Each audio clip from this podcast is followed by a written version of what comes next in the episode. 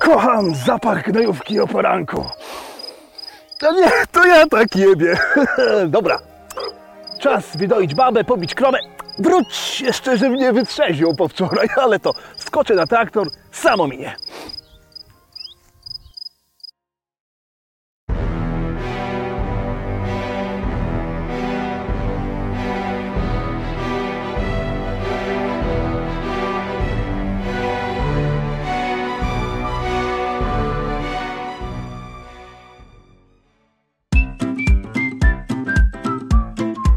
Wsi spokojna, wsi wesoła. Kto nie zaznał klimatu wsi, ten życia nie zna. Tak mi zawsze tata mówił, jak mnie zabierał na to wypizdowo na całe wakacje, gdzie miałem gnić z nudów jednocześnie chłonąc wiejskie klimaty. Nigdzie nie wynudziłem się kurwa bardziej niż na tych jebanych polach pszenicy i żyta, gdzie moimi jedynymi przyjaciółmi były żaby, szczypawki, sarny i myszołowy przecinające błękitne niebo. Po dwóch, trzech dniach człowiek faktycznie jakoś tak wypoczywa i jest relaks, detoks od technologii i ogólnie chillaucik wchodzi, ale po tygodniu moja ręka zamienia się już w żywy maszt z telefonem na czubku, byle tylko złapać jedną kreskę zasięgu. Horrory wcale nie kłamią. Miejsc, z których nie zadzwonicie, wcale nie jest tak mało. Wieś to takie miejsce trochę bez granic. Nie wiadomo, gdzie się kończy, a gdzie zaczyna. Głównym środkiem transportu jest tutaj Ursus C360. Ośrodek władzy to sołtys i proboszcz, którzy oddzielnie lub w tandemie sprawują rządy nad maluczkimi, których często jedynym celem jest walka z suszą, abstynencją i krajowym kryzysem dzietności. Co za tym idzie, leją hektolitry wody na wszystko, co ma zielony odcień, nie wylewają za kołnierz i płodzą dzieci jak pojebani. Co mi tu w kole? O kurwa, mój Staś, ale żeś się dzieciaku wkręcił, no. Ach, chuj, mam jeszcze szóstkę. Jednakże powiedzieć, że życie na wsi jest inne, to nic nie powiedzieć. To nawet nie jest inny stan umysłu, to jest po prostu inna rzeczywistość. Na wsi niemalże zwolnieni jesteśmy z kalendarza i zegara. Tutaj rytm wyznacza natura, wschody i zachody, pianie koguta, wiatr i deszcz. No i piąty żywioł, czyli wódka.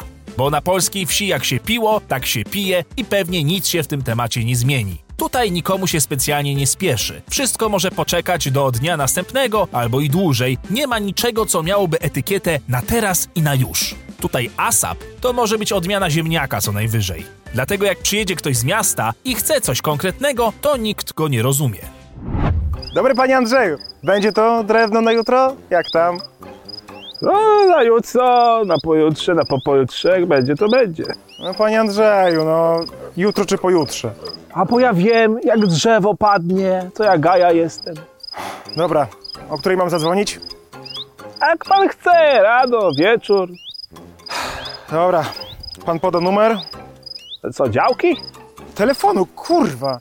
A to ja nie wiem. No, Pan- Pan nie zna numeru swojego telefonu? No jak mam znać, jak nigdy nie zakładałem, no. To jest wioska, proszę pana, tu się rozmawia twarz w twarz, no, ewentualnie gołębiami, a nie telefonem. Dobranoc.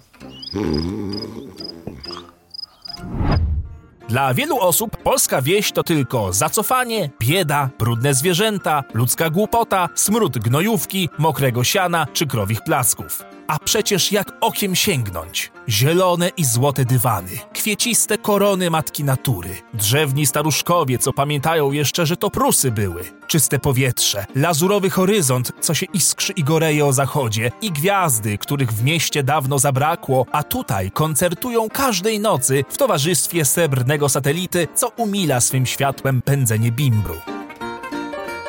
Jeżeli żyjesz na wsi, to niestety zawsze musisz podawać nazwę swojej miejscowości, dodając do niej nazwę dużego miasta, koło którego wioska się znajduje. A i sama wioska najczęściej ma jakąś pokracznie pojebaną nazwę typu Niemyje Ząbki, Obory, Stare Juchy, Wińsko, Plugawice czy mój faworyt, Pupkowizna.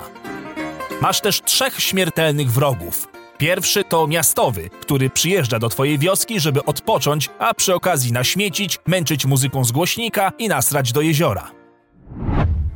Wy to w tej Warszawie, ja wiem, złotem sikacie, truflami sracie, ale nie ma kurwa po sobie komu puszki zabrać z lasu. Pff, jesteście kurwa zwierzęta, a nie my.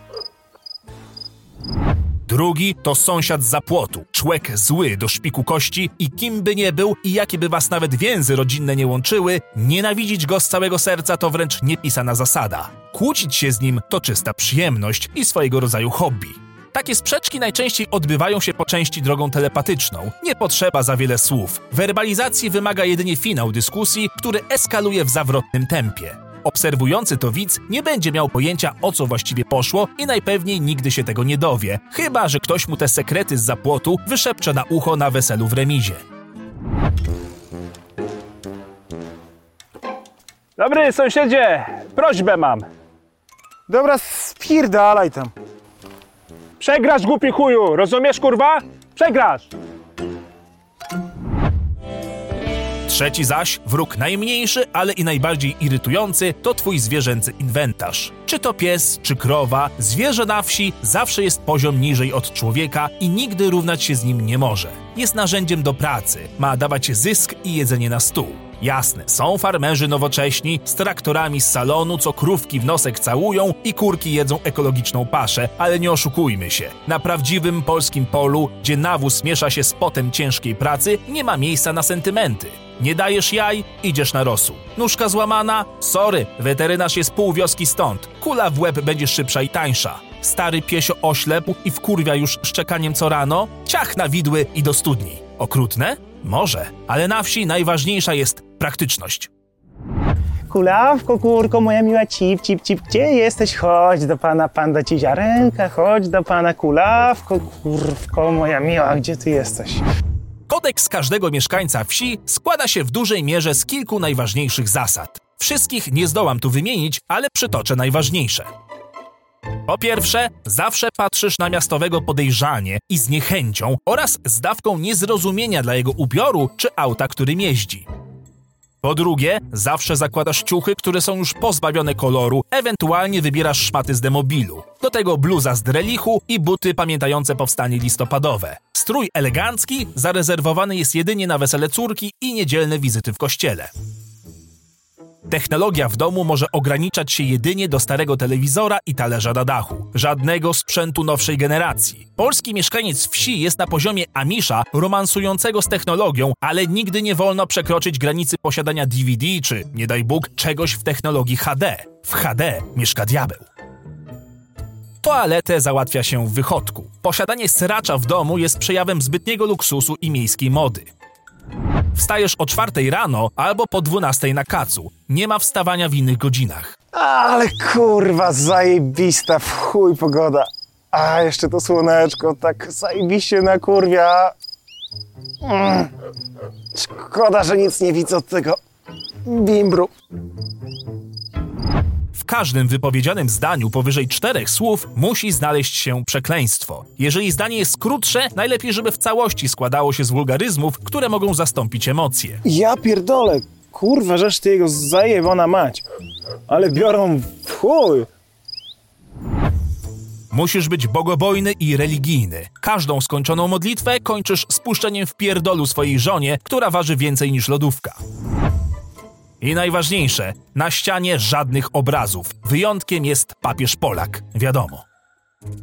To wszystko oczywiście heheszki i przerysowany obraz tego, jak się żyje na wiosce, ale na szczęście nikt na wsi tego filmu nie zobaczy, bo nie mają tam internetu, także możemy się śmiać. Gorzej jak faktycznie przyjdzie susza, na polach gówno urośnie i w miastach zamiast chleba i warzyw będziemy jeść powietrze z gruzem.